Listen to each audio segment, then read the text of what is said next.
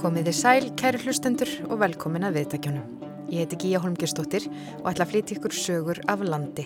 Þáttur þar sem flakkaður um landið, sögur úr samfélaginu rifjaðar upp og fréttamál líðandi stundar skoðuð úr nýjum og oft persónlegum áttum. Í þætti dagsins ætlum við að heyra sögur undan eigafjöllum og forveitnast líka um efnismiðlun góða hyrðisins. En við byrjum á umfjöllun Óðinsvans Óðinssonar fréttamanns um riðveiki.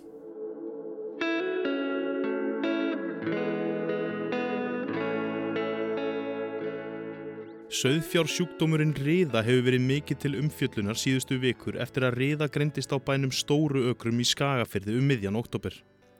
Í framhaldinu hófst viðamikil smitrakning og sínataka á fleiri bæjum í sveitinni og síkt fjö greindist á fjórum öðrum bæjum.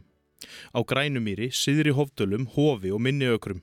Afleðingarnar eru hrikalegar en bændur á öllum þessum bæjum hafa neyðst til að fella allt sitt sauð og geitfjö auk þess að þurfa að fara í viðamikil hreinsunastarf.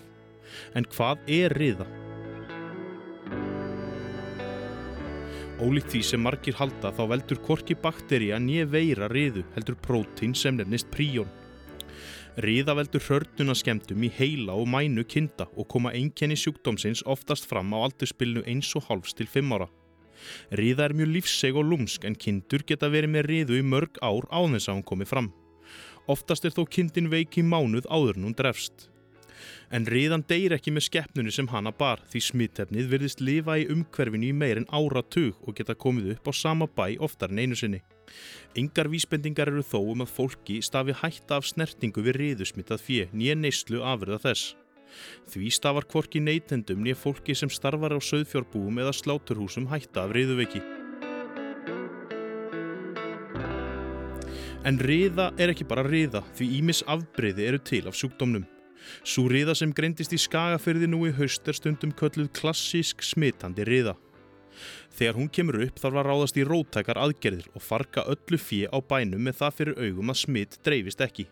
Þegar riðuveiki finnst á nýjum bæ er samið við eiganda, öllu fjö farga strax og þinglist fjárleysi á jörðinni. Þar sem riða hefur náða að búa um sig og smitleiðir ókunn getur þurft að farga á snertibæjum og jafnvel öllu fjö á heilum svæðum. Hér að stýralegnir metur hvað hægt er að reynsa, hvað verður að fjarlæga og áallar jarðvegskipti við hús. Þá eru hús, tæki og tól, háþrýstið þvegin og sóttrinsuð með klór eða sviðin með loga. Þá er samið við bændur um fjárleysi í tvu ár og þeim tíma liðnum er nýr fjárstopp tekinn frá ósiktu svæði. En þetta mikla ingripp sem bændur standa frammi fyrir hefur mikil áhrif, bæði fjárháslegt og tilfinningalegt. Gunnar Sigursson bóndi á stóru ökrum eitt þar sem riðan greintist fyrst nú í haust uppliði miklar og sterkar tilfinningar eftir að riðan kom upp. Fyrst er þetta náttúrulega gríðarlega mikið sjokk. Maður náttúrulega á aldrei von á svona. Það er bara svo leiðis. Og hérna á þessu svæði, þetta er kannski barnaskapur en ég til dæmis, maður bara pældi aldrei nokkur tíman í þessu. Bara aldrei. Þú varst alveg var... samfærður um að þetta kem ekkert upp hér? Nei, bara þetta var ekkert í, sko, inn í myndin í raun og veru en svo náttúrulega uh, hellist yfir mann gríðarlega mikil sko sektakent það er vond tilvinning og uh, ég var í raun og veru marga daga bara að ná mér út fyrir því. En, en svo bara ákveðum að það að hluti af því sem við getum sko við getum gert það er við getum ákveðir sömt sko. Og ég ákveð það bara að ég væri ekki sekur. Og eftir það svo sem hefur nú landið risið svona svipa, í svipuðu lutvallin eins og á Reykjanesinu. En það er líka þetta þessi gríðarlega sko sorg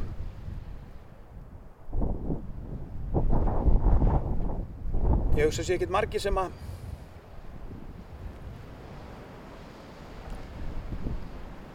eiga auðvelt með að sjá eftir æfistarfi það er mjög örfitt Þetta er stór hópur sem þið þurftu að skera niður. Já, það er ekki bara það sko. Þetta er, þetta er nú verið fyrsta svona fjölskyldur Sumir eru með hesta og við erum með kindur. Og við erum mjög mikið saman í þessu og tengir okkur öll saman. Ég er náttúrulega með annar rekstur líka sem að fjölskylda kemur minna að, má segja. Þetta hefur verið svona það sem saminnar fjölskyldun alveg.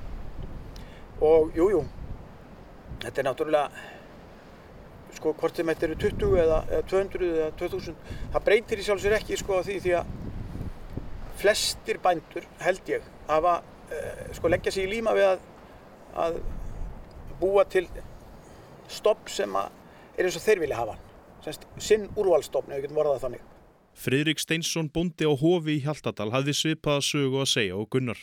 Það væri hryllileg tilfinning að fá jákvæðar niðurstöður og riðu sína tökku. Þetta er ríkalega sárt fyrir fjárbændu sem að hafa stundað fjárrækt í fjölda ára að horfa á eftir stofnunum sínum svona bara einn svipstundu. Við erum náttúrulega miklu nýri, við erum bara með þetta sem hobby og, og, og það er samt sárt. Ég var nú svo einfaldur að Mér var skynnt eins og frísk, þrýlend þetta árið og letast aðlampið 19 kíló.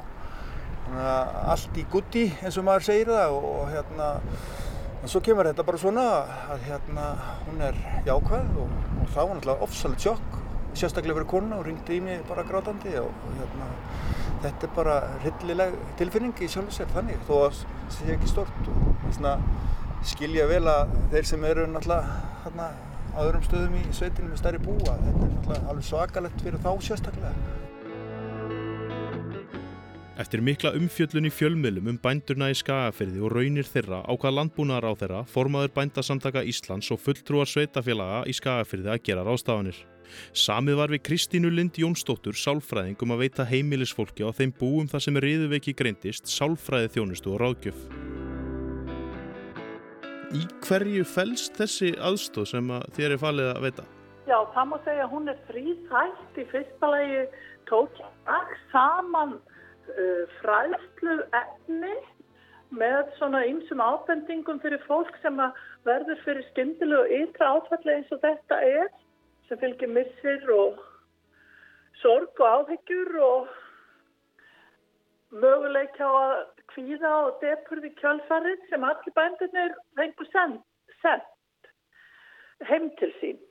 Og hérna það var fyrsta hjálpin og síðan hef ég verið að fara norður í Skagafjörn til þess bara að bjóða bændunum sálfræði viðtöl í heima byggð. Svo bæntala verða verður þáttaka í einhverjum fræðslu fundum en það á eftir að koma í ljós Hvað er það sem þessi bændur er að gangi í gegnum núna? Hvernig, hvernig tilfinningar eru þetta? Sko ég myndi segja að eins og ég sagði á þann að þá er svona eins og fólk verður auðvitað fyrir ímiskonu skemmtilegum ytri áföllum sem þá alls ekki vona á.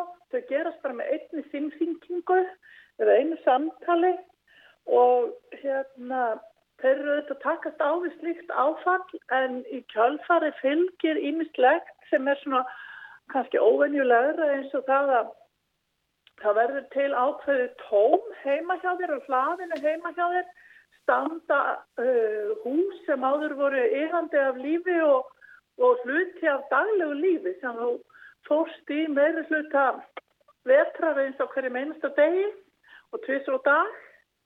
Og, og hérna það er náttúrulega gífileg breyting að horfast allt í auðvu við og þau séu bara svolítið döð og tóm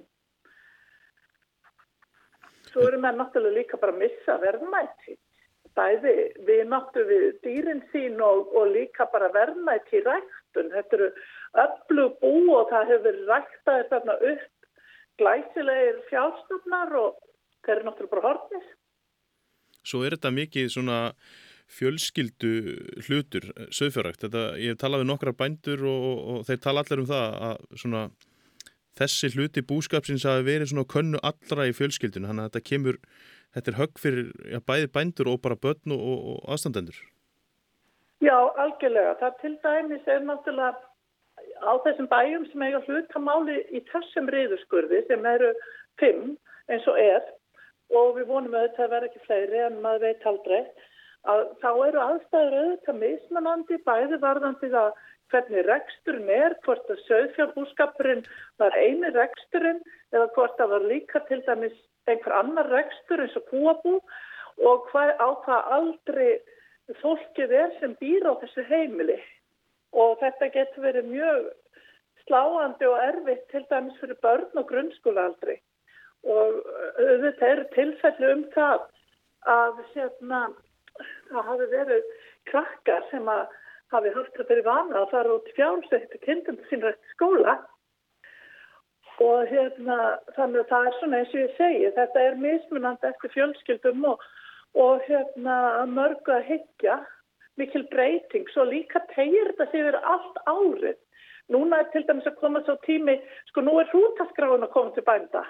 Og það er eitthvað svona rétt sem að bændur lesa af áhuga sem eru söðfjörrækt og velta fyrir sér og ræða sín á milli og síðan eh, er að fara með rútana út og eins og kallað er þeir fara saman við ærnar núna í desember og síðan kemur koma tímabill eins og söðburðurinn og, og verkefnin á haustinu og allt í einu standa þessir einstaklingar þessum bæjum svolítið hjá meðan að allir aðri söðsjárbændur í samfélaginu eru í þessum verkefnum.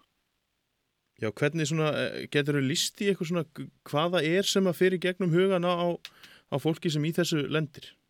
Já, sko, fyrst verður fólk náttúrulega bara eins og gengur þegar fólk fær svona skindil betra áfall þá förum við í varnum stöðu, það stæðjar að okkur óg. Við hugsim bara hvað get ég gert, get ég barist eitthvað fyrir þessu eða, eða hvernig það er hægt að gera.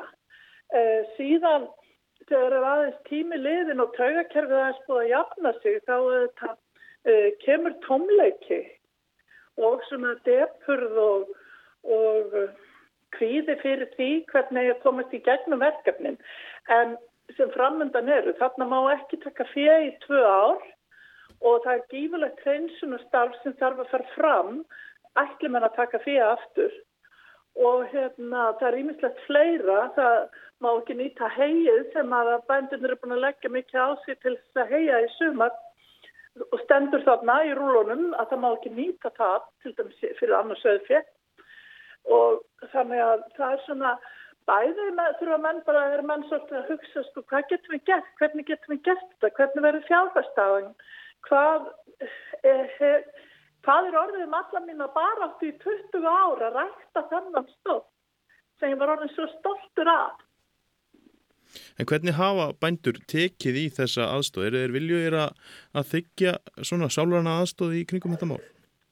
Já, að mér finnst það algjörlega og, og kunna sko ég var sjálf bondi í 15 ár en, en núna búin að vera starfandi sjálfslæðingur í Reykjavík í 10 ár og hérna eh, mín reynsla er svo og ég finn það algjörlega hjá þessum hérna bændum að bændur eru fróðlegs fúst og áhuga samt fólk, þeir eru vanir að lesa sér til um allt milli heimis og jarðar og störf bænda í dag eru krefjast mikill að þekkingar á mörgum sviðum og hérna þeir eru mjög, finnst mér, opnir fyrir því að, að fá fræðilega aðstóð og, og leita leiða til að láta þetta ganga sem best. Maður er náttúrulega bæði að miðla til þeirra bjargráðum sem að bara rannsóknir sálfræði á sínt að reynast fólki vel og eins svona minnast á hluti sem við getum kallað skadamingun hvernig hvað er sem við þurfum að varast og passa okkur á til þess að þetta verði ekki verður en það þarf að vera Akkurat, þannig, þannig að þeir eru opnir fyrir þessu og hafa tekið þér og, og þínu starfi vel Já, algjörlega og, og skagfyrringar hérna sveitarfélagin í Skagafyrði sem er að vinna þetta verkefni með ráðuneytinu og bændasamtökunum tekið mjög vel á móti mér og, og búið vel að okkur í þessu verkefni. Glæsilegt. Herru, ég þakka bara kærlega fyrir spjallið Kristín og, og gangið er vel með þetta. Sem leið. Þarna fjallaði Óðinn Svan Óðinsson, fréttamaður um söðfjársjúkdómin riðu. En næst höldum við í góða hyrðin nýttjamarkað sorpu. innhörðir, verkfæri, loftbressur, vaska, blöndunartæki. Hvað segja sögum þér? Já. Þetta er Hafstein Unnar Karlsson. Hann sér um efnismiðlun góða hyrðisins á mótökurstöð Sorpu á Sævarhafða í Reykjavík. Þar eru þau Halla Ólastóttir stött en einnig þau Guðmundur Tryggvi Ólafsson, rekstrastjóri endurvinnslu stöðva Sorpu og Karin Kristjánsdóttir, sérfræðingur hjá Sorpu. Ég heiti Guðmundur Tryggvi Ólússon, rekstrarstjóri Endurvistastöða Sorpu og við erum hérna í efnismiðlun uh, Góða Hyrriðsins, Norður Sæfarhöða. Í stuttu og einföldu máli þá held ég að við getum líst þessu best sem svona litlu markaði með byggingavörur og hérna uh, þessi gróari efni sem ekki eru til sölu á nýtjamarkaði Góða Hyrriðsins upp í felsmúla. Ég ætla að gefa nokkuð dæmi bara eins og uh, hurðir, gluggar, reyðhjól, felgur, sláttuvelar, ímiskona verkværi og íhlutir til bygginga og franganda. Já. Og hvernig kemur það til að þið fara að stað með þennan marka? Það eru svona nokkrar ástæður. Í svona þessum fullkóna heimi sem við erum að reyna kannski að skapa, að þá er endur nótkun efnana það besta og við erum náttúrulega búin að sjá það lengi að í gáman hjá okkur að koma alls konar efni sem að eiga sér alveg framhanslíf, í endur nótkun, ekki bara í endur vinslu. Mm -hmm. Og viðskiptavinnir hafa ítrekka spurt hvort þeim að ekki gangi í gáman og sækja sér efni, alls konar og við hefum náttúrulega ekki verið til í það því að aðstæður eru bara ekki settað þannig upp. Þannig að eftir að hafa ráðið aðeins í það hvaða efni þetta væri nú helst og hvert væri umfangið á þessu og hverju væri mögulega viðskiptafinir þá var náttúrulega bara einsýnt að þetta var eitthvað sem þetta pröfa og stjórn samþykki það hérna hjá okkur að, að gera tilhjónaverkefni til eins ás mm. sem er síðan gert og hefur það bara rauninni sprungið út. Sko. Já, og hvernig fór þetta stað? 2018, mæ, já, það var í byrjun mæ 2018. Og var þessu tekið eins og þið byggust þið? Já, við höfum reyni átt bara, átt, fengið miklu betri mótökur heldur en þið þorðum að vona sko. Já. Og hérna, bara verkefnið þróast mjög skemmtilega og svo náttúrulega byggir þetta svolítið mikið af því að starfsmenn séu á sumu línu og, og hafi áhuga og þeir hafa svo sannlega gert það. Þeir hafa verið mjög duglegir að, að hérna, þróa þetta verkefni áfram og hérna afla efna til markaðarins. Já það var einmitt það sem ég ætlaði að spyrja. Hvernig berið ykkur af með að afla efna til markaðarins? Já, eins og ég sagði á hann, sko, þá er þetta náttúrulega bara svona skilgrendar vörutegundir. Þetta, þetta er sérst ekki efni sem fara í 90 gram góðu hyrðinsins. Mm -hmm. Og hérna, við byrjum á að spyrja, við sjáum eitthvað líklegt á kerjunu eða í skottinu, hvort að fólk sé tilbúið til að rástafa þið inn á markaðin og það getur jafnvel verið að þetta sé efni sem það þarf jafnvel að borga eitthvað fyrir yeah. en það hefur eiginlega nánast verið undirtekningalöst bara já við því að, að fólk er tilbúið til þess að, að, að hérna, rástaði hingað svo eru náttúrulega starfsmenn bara hérna út á römbunum og fylgjast með þegar það verður að losa og, og bara að grísja mm. efni sem eru líklega og við erum að læra alltaf betur og betur hvað, hvað er sala og hvað er markaða fyrir yeah. þannig að þetta er bara alltaf að þróast í, í rétt átt yeah. og, og aukna endurnótkun ég held að við höfum verið að fara yfir tölutur um daginn og þetta sé einhver allan 100 tonn núna sem eru búin að rástafa þá út úr þessum endur vinslefarvegum getur við sagt, uh -huh. yfir í endur nýtinguna. Einmitt, en það er kannski það sem við þurfum að reyna að gera er að, að fyrsta lagi náttúrulega ekki að framlega hlutin ef maður þarf hann ekki já, já. og svo væntalega að endur notan áður en maður hugsa um að endur vinnan. Akkurat, það er, það er hugsunin, já. það er þessi grunnhugsun í þessu ringráðsahagkerfi sem að við erum svona að reyna að máta okkur við að að stækka og, gera sem, sem viðfermast. Já, en þú veist að það er að fólk væri oftast til í að, að láta eftir vörunar eða þetta Já. dót sem þeir eru að henda. Það er væntilega þá búið að taka ákveðnum að það er ætlað að henda því og ekki fá neitt fyrir það. Já, já, já, fólk er yfirleitt ekki, eða, sérst, til að byrja með var það náttúrulega þannig að það var bara að koma þetta til þess að henda hlutunum sko. En uh, svo eru þau til í þessa breytingu sko og síðan verður náttúrulega varfið það að það kemur alltaf einn og einn sko bara ofan að rampi með einhver sem hann veit að það getur átt framhaldslíf hérna mm þannig að hérna, þannig að við, þekkingin er aðeins að aukast náttúrulega á þessu sko En hvernig hefur COVID verið á, á sorpu og, og væntalega aukið vinnuála hjá ykkur eða hvað? Já, svona, þessi COVID áhrif er almennt á endurstöðunar, bursið frá markaðnum og þá, þá er það þannig að fólk er meira heima og það er líka ekki heldur að eyða í utanlandsferðir og það e, var alltaf framan af einhver meira mellið handana þannig að við erum að sjá bæði þá úrgang sem að til er tiltekt það er bara að vera að fara í geimsluna. Og, og, og laga til og breyta heima. Og svo er verið að fara í einhverjum svona smá frangöndir já smá og stærri frangöndir heima við. Eldursinnendingar eða, eða hérna parkutskipti og, og málingavinn og svo framöndi gotunum þannig að fólk bara er duglegt að gera alls konar heima á sér. Og það er náttúrulega stefnir í það núna að við verðum með meira magn inn á stöðatar þetta eru nokkuð tíman áður. Það er bara staðrind, það, -hmm. það er mjög mikið búið að koma inn. Og á fyrðulegum tíma líka. Við, hérna, erum bæðið með hérna, við erum topp í mæ og, og aftur núna í, í hérna, oktober-november sko, sem aðal oktober sem að, er eitthvað sem hefur ekki sést áður sko. Nei. Þú sagðir að það væri þarna dót úr tiltekt og, og, og slíku um, en væntilega líka bara alveg ógrinni af efni fyrir efnismjölum góða hýrisins. Jú, jú, jú, það er náttúrulega tölvert og, og hérna og, efni, og inn í nýtjamarkað hérna góð hyrðisins líka sko. Það er náttúrulega verið takmarkanur og afgriðsli þar bara vegna þess að búðin hefur ekki getað verið opinn og, og, og svo fram til göttunum eða með mjög takmarkað opnum sko. Já. Þannig hérna við hefum svona verið að bylja, bylja til fólks að, að hérna þá hluti varðar að, að býða þangað til að býða með þetta. Þetta kostið búið að vera hérna í 10-20 ár í geimslunni þannig að það er kannski alltaf að býða nokkra vikur viðbót. Já. Það getur alveg opnar og við getum, far, getum komið í þá í réttna farveg sko. En við erum stödd hérna á Sævarhöfða. Er þetta eini staðurinn sem að þið eru með efnismiðlun góða hýrisins? Já, þetta er eini staðurinn. Sjálfsögðu alls konar hugmyndur um það hvernig það getur þróast í framtíðar. Ég held að við séum nú að detta inn í þannig árferði núna að, að við þurfum að gera það. Það er hérna, þetta er, það er held ég ekki eins mikið á milli handana af peningum og, og, hefur verið og, og þá held ég að fólk sé nú kannski meira að leita til einhverjum svona ódýrari úrraða til þess að redda því sem er að redda. Já. Hvað sjáu þið helst fara í, á markanum? Hvað er vinsalast? Já, það var nú bara eiginlega skemmtilegast að lefa Hafsteina að svara, svara því sko. Já. Er Náttúrulega með þetta í fingurkomunum. En hvaða mun er slegist um? Útidæruhurðir, parkett, flísar, reiðhjól, hjólbarðar. Já.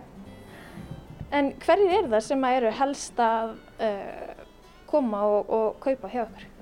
Þú varst nú eitthvað að tala um áðan um, um að það væri oft bara innarmenn og fólk sem væri svona svolítið að spá í hlutunum. Já, innan menn koma hérna. Og eru þá kannski að leita sér að eitthvað sem að þeir fá ekki beint úr búðinu? Mm Eða reddingum. Já. Og, og tekst þeim ofta að finna það sem þeir eru að leita? Já, yfirleitt held ég. Já. Svo kemur COVID og þið getið ekki lengur verið með opið. Hvað gerir þið þá? Herðu þá settu við þetta á Facebook. Mm. Og hvernig finnst þér það fyrirkomulag? Það er bara búið að ganga mjög vel. Já. Bara fram úr húnum. En það er vantilega breytt starfið þínu svolítið Já, ég er aðeins meira í símónum, aðeins myndutökum og eitthvað. og mæla muni. Já, Já.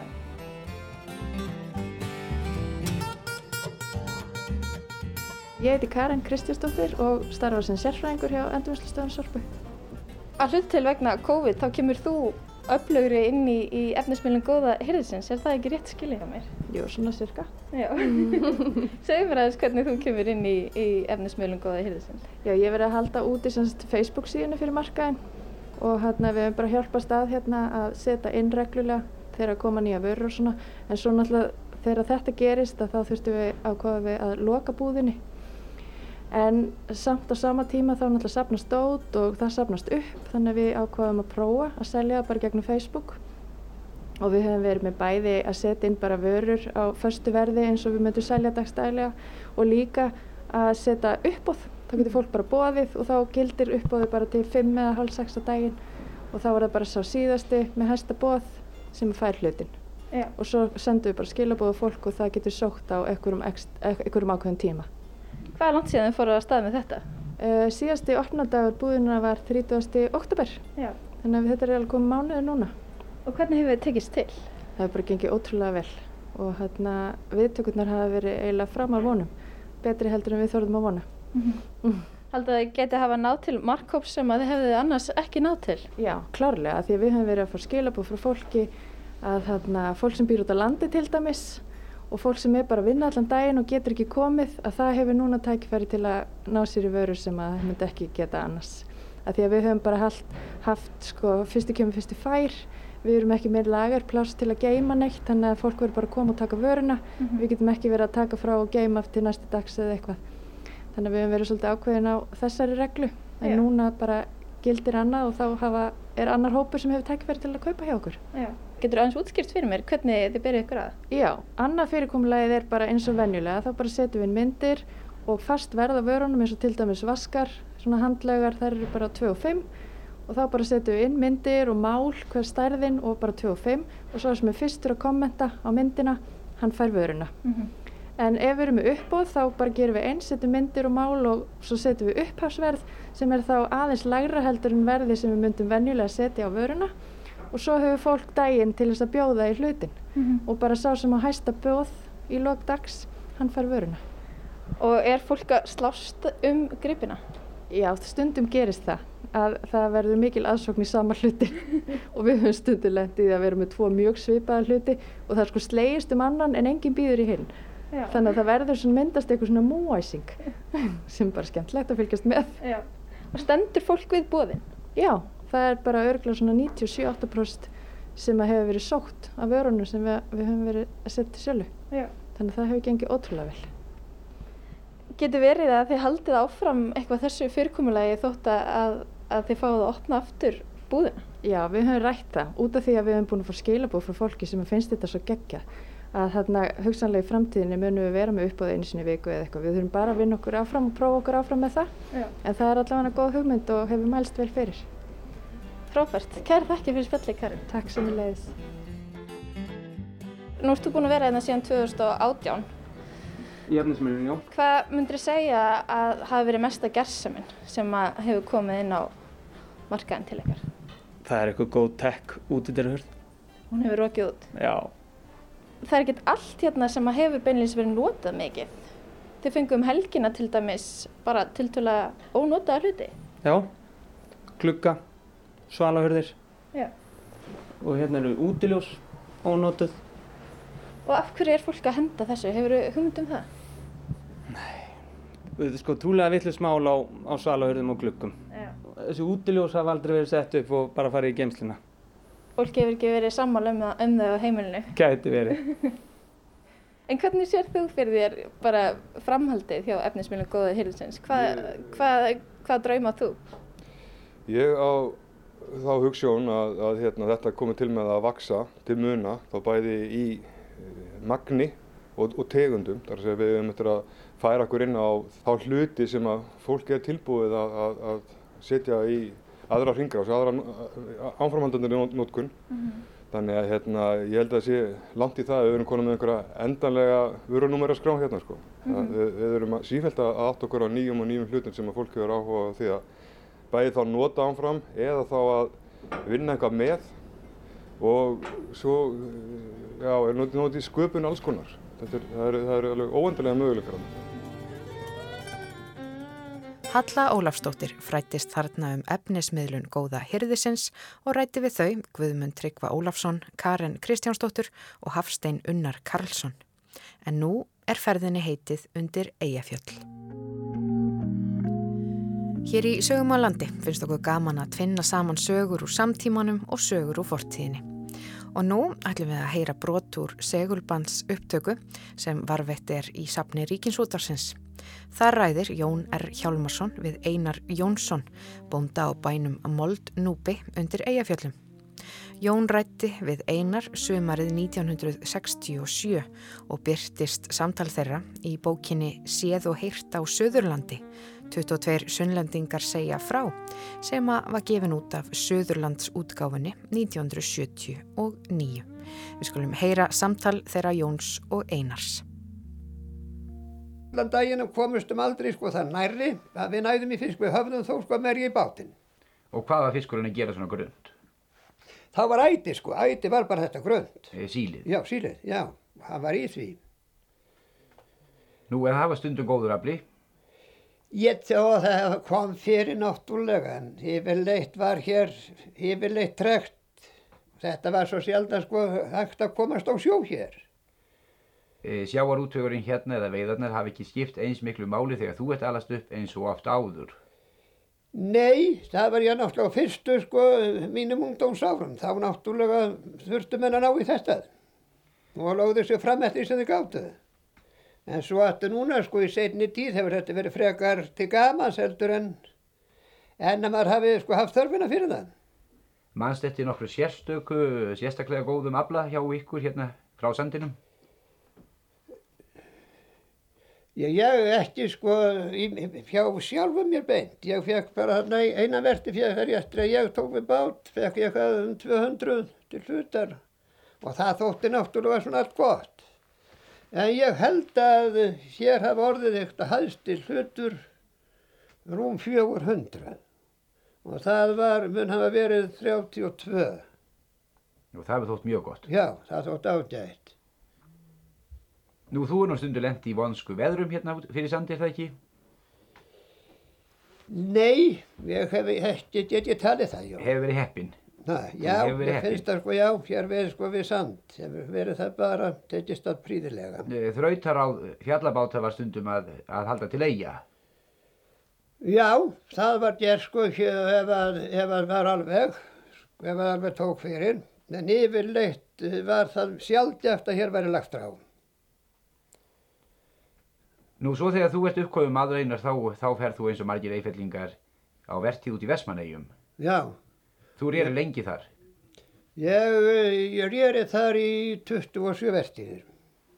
Eh, Stundaður sjósókn hérna frá sandinu nokkuð meðfram því á vorin. Það, eh, það get ég ekki sagt. Það hafi verið sem aðeins sko maður hefur skotið sko, skoist út. En síðan þú hættir aftur á vertíð út í eigum og sjómennsk og fjarlægar í miðum, þá hefur þú snúið aftur að heima útveginum. Já, við gerðum það. Að við keftum okkur bát í félagi og fórum að byrja á þessu. Fyrir fáum árum. Já, það var 53. Og hvað heitir skipið? Það heitir Gunnvör. Og þú hefur stundað sjóin tölvert á Gunnvöru. Og ekki er nú hægt að segja það. Við hefum farið sko, já oftast nær hefum við komist á flót nema núna eh, þrjú síðust árun hefum við ekki farið. Þá hefur verið landlega. Já, það hefur, já bara það er sko mannskapur má ekki vera að því. Er erfitt að fá menn til að fara á sjóin hérna nú orðið?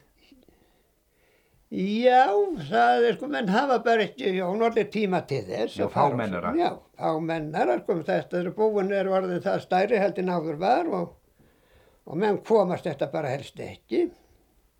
Við gáttum sko til dæmis að við gáttum ekki komast á flóteginu aldrei fyrir undir hátegin og verðum að lenda aftur fyrir fjóstjafir. Já. Já, Svo að tíminn er naumur. Já, tíminn var naumur. Eh, segðu mér einar, hvaðan hefur þú róið núna síðustu árin sem þú stundaðir útgerð hérðan? Við, fyrstur erum við nú hérna beint suður af Holti, kalla hérna suður af Halanum, sem kallar hérna svona Hólsós. Og þá vorum við nú búinir að fiska, fáum hundrað fiskar hlutorna vestmanninga dróg út.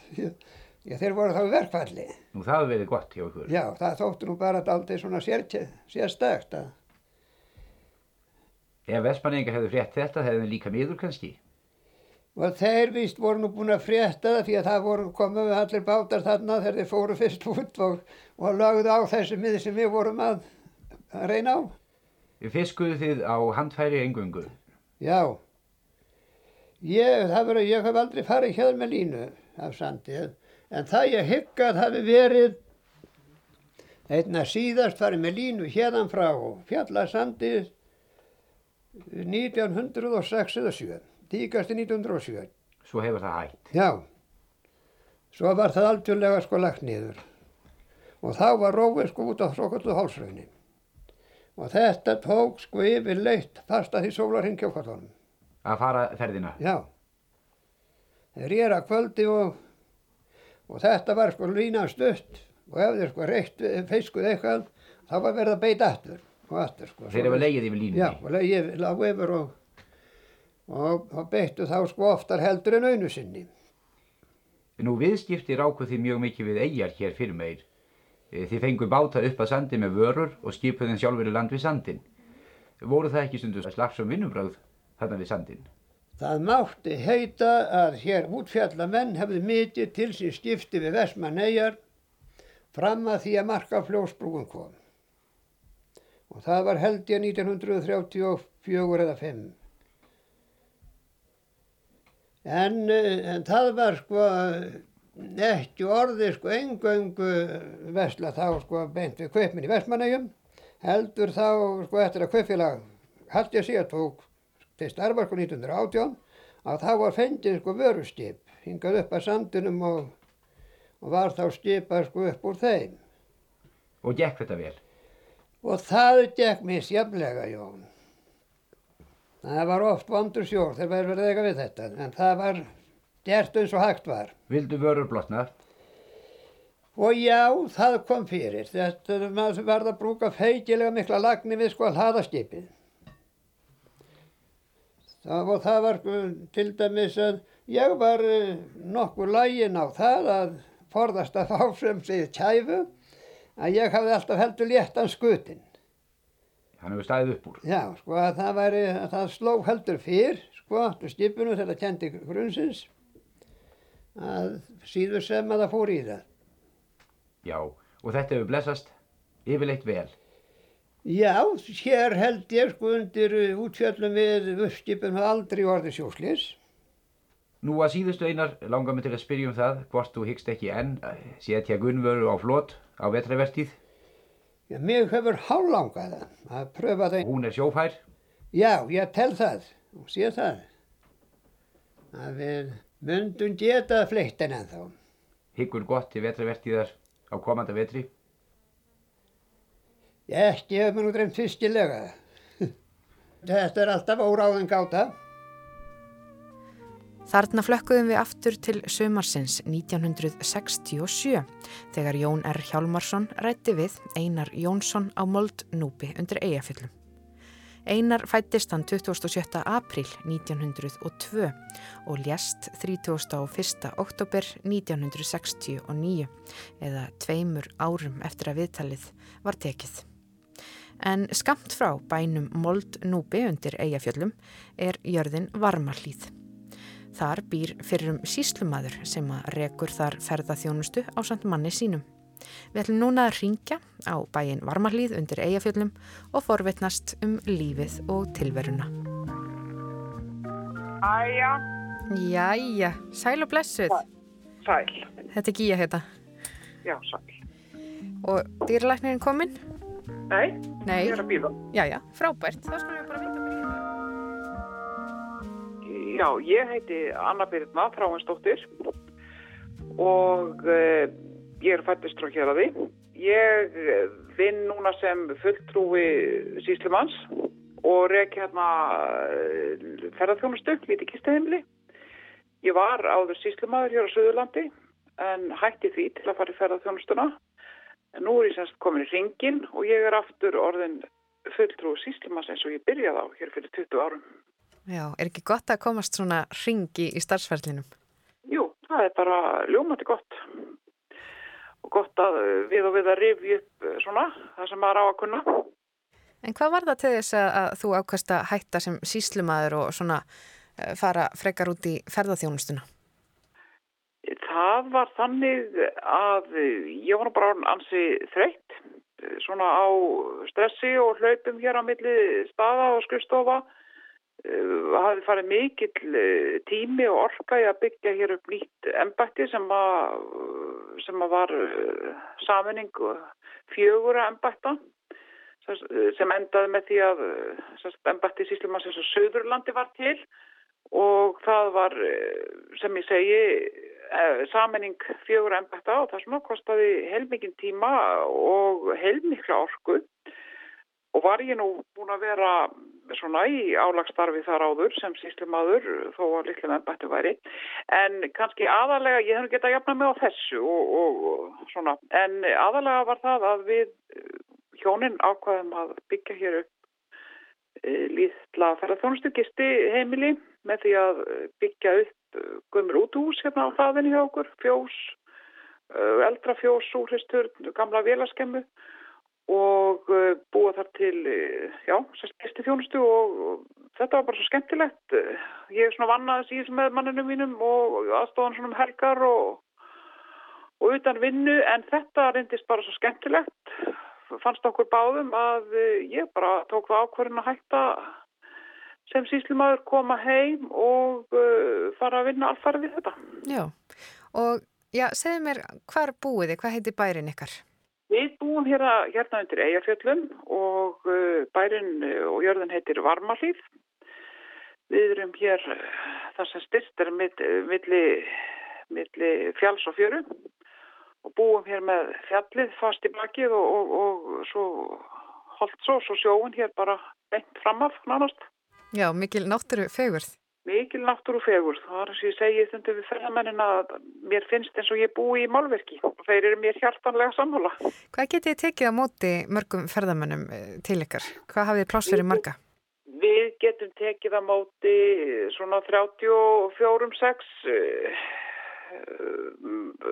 ferðamönnum eða, eða gestum í, í 11 litlum stúdjóýbúðum eða kannski, eða hvort þá að segja frekar kannski stórherbyggi, svona litlum íbúðum. Já, og það er nú þetta ekki margir ferðamennir núna á þessu svæði, er það nokkuð? Nei, það er nú ekki, þeim er ekki til að dreifa. Nei. En þess vegna sem ég fór staði fyrir að, staði fyrir að fara á einhverju atvinnulegsbætur og kannski starra eitthvað út í tómið að þá bara skellti ég mér aftur í, á ennbættin mitt gamla og fór að vinna sem fylgtrúi og síslu manni og ætla að gera það bara meðan það er þangað til ferðarmenninni koma aftur. Já, en segðu mér aðeins frá mannlífinu bara þarna í sveitinni hjá ykkur. Mannlíf hér er afar gott, hér undir eigaföllum.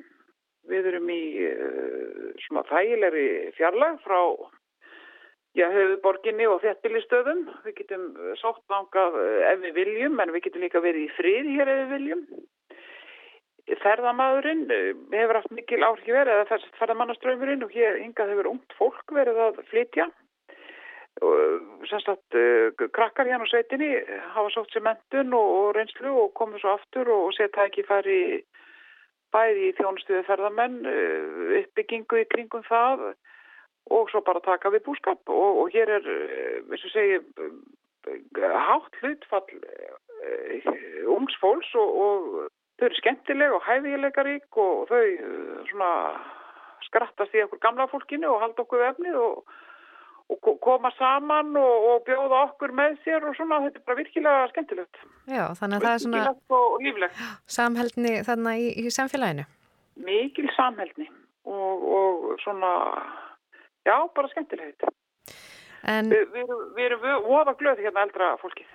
Já, með allt þetta unga fólk að koma tilbaka já, og ungu fólki. Já fylgir oft í barna skari ja, þannig að skólanir eru kannski að fyllast og leikskólanir og, og það er nú skemmtilegt. Skólabílin er allavega þéttsettinn hérna utan fjallum og, og yfir að kólsvöld kannski svolítið langt að sækja fyrir það sem búa hér östast í undir eiga fjallum en, en eiga síður að allavega gengur og láti ganga. Og hvað er það langur öxtur með skólabíl? Fyrir þessa sem fara lengst? Það er nú sennilega hatt í 45 mínútur fyrir þá sem lengst þurfa að fara. Já, það er nú alveg svolítið tími. Það er svolítið tími, sko. En í byrjun samtalsins þá sagður frá því að þú værir frá Östurlandinu, Egilstöðum Já. og þar. Segð mér aðeins frá hvaðan þú kemur og, og fóruldröðum þínum og svona. Ég er, ég er fætt á upp alveg í fellunum, fellareppinu forna.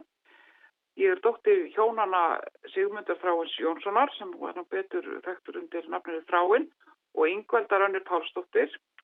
Þau ráku umsvega mikla ferðarþjónustu í áratögi, bæði bílalegu, veitingarekstur, sjoppurekstur og móður mín hafði verið með gistifjónustu hér fyrir allmörgum árum.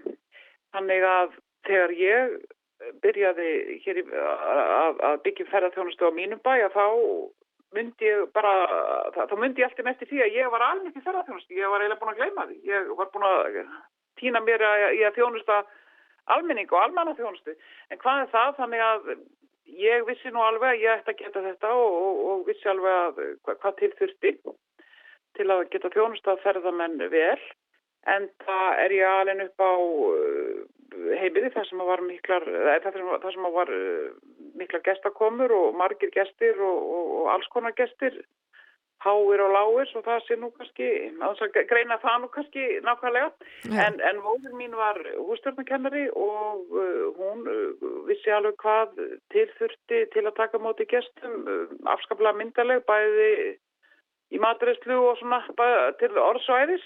Já, þannig að hún var á Hallónstað að kenna eða? Já. Já, hún, hún var, hún var eitt sem skólastjóri í húsmaraskólan sem haldast á. Það sem eldri sískinni mér voru alveg upp en, en hérna ég náðu því nú reyndur ekki. En þú talaður um áðan að þú hafið vitað bara nákvæmlega hvað þyrti til þess að, að bjóða ferðamönnum góða þjónustu. En hvað er það svona að þínum mati? Hvað, hvað fælst í því að veita góða þjónustu til ferðamanna? Ég það nú fyrsta lagi að vera jákvæður og, og gefa fólki tíma og uh, gefa sér tíma til að segja frá, segja bæði frá land og þjóð og ekki síður frá sjálfum sér, segja frá menningu, ferðamenn eru yfir höfuð forvittnir um já, bara lifnaðrætt íslendinga og, og mér finnst ég aðeins að hafa orðið verfið það að þeir kannski gista hótelum og annað slikt og, og, og hitta þá starfsfólk sem er kannski ekki endilega íslendingar og er kannski ekki svona með mikla vittniski um hvernig við íslendingar lifum. Þeir, þeir, þeir eru óa kátir að hitta sko, já, heimamenn og, og við hjónin höfum, höfum reynt að vera til staðar, já, nánast alltaf. Við bara setjum okkur þérna gýr á svona í mæ og, og erum bara út oktober, nánast alltaf sjálfa staðnum og eins og segja að gefa sér tíma. Það er nummer 1, 2 og 3. En nú er búið að vera fátum ferðamenn, hafið þið einhvern veginn nýtt tíman á meðan það hefur verið uh, svona fáir? Er þið búin að vera að ditta að og, og gera ýmislegt? Já, maðurinn minn hefur verið hérna heima við og, og hefur verið að mynda að ditta að og kannski svona í ekstra trefum og, og náttúrulega tekið á móti þeim fáu gestum sem koma. Já, það hafa nú komið ykkurir. Veistu Já, hversu margir?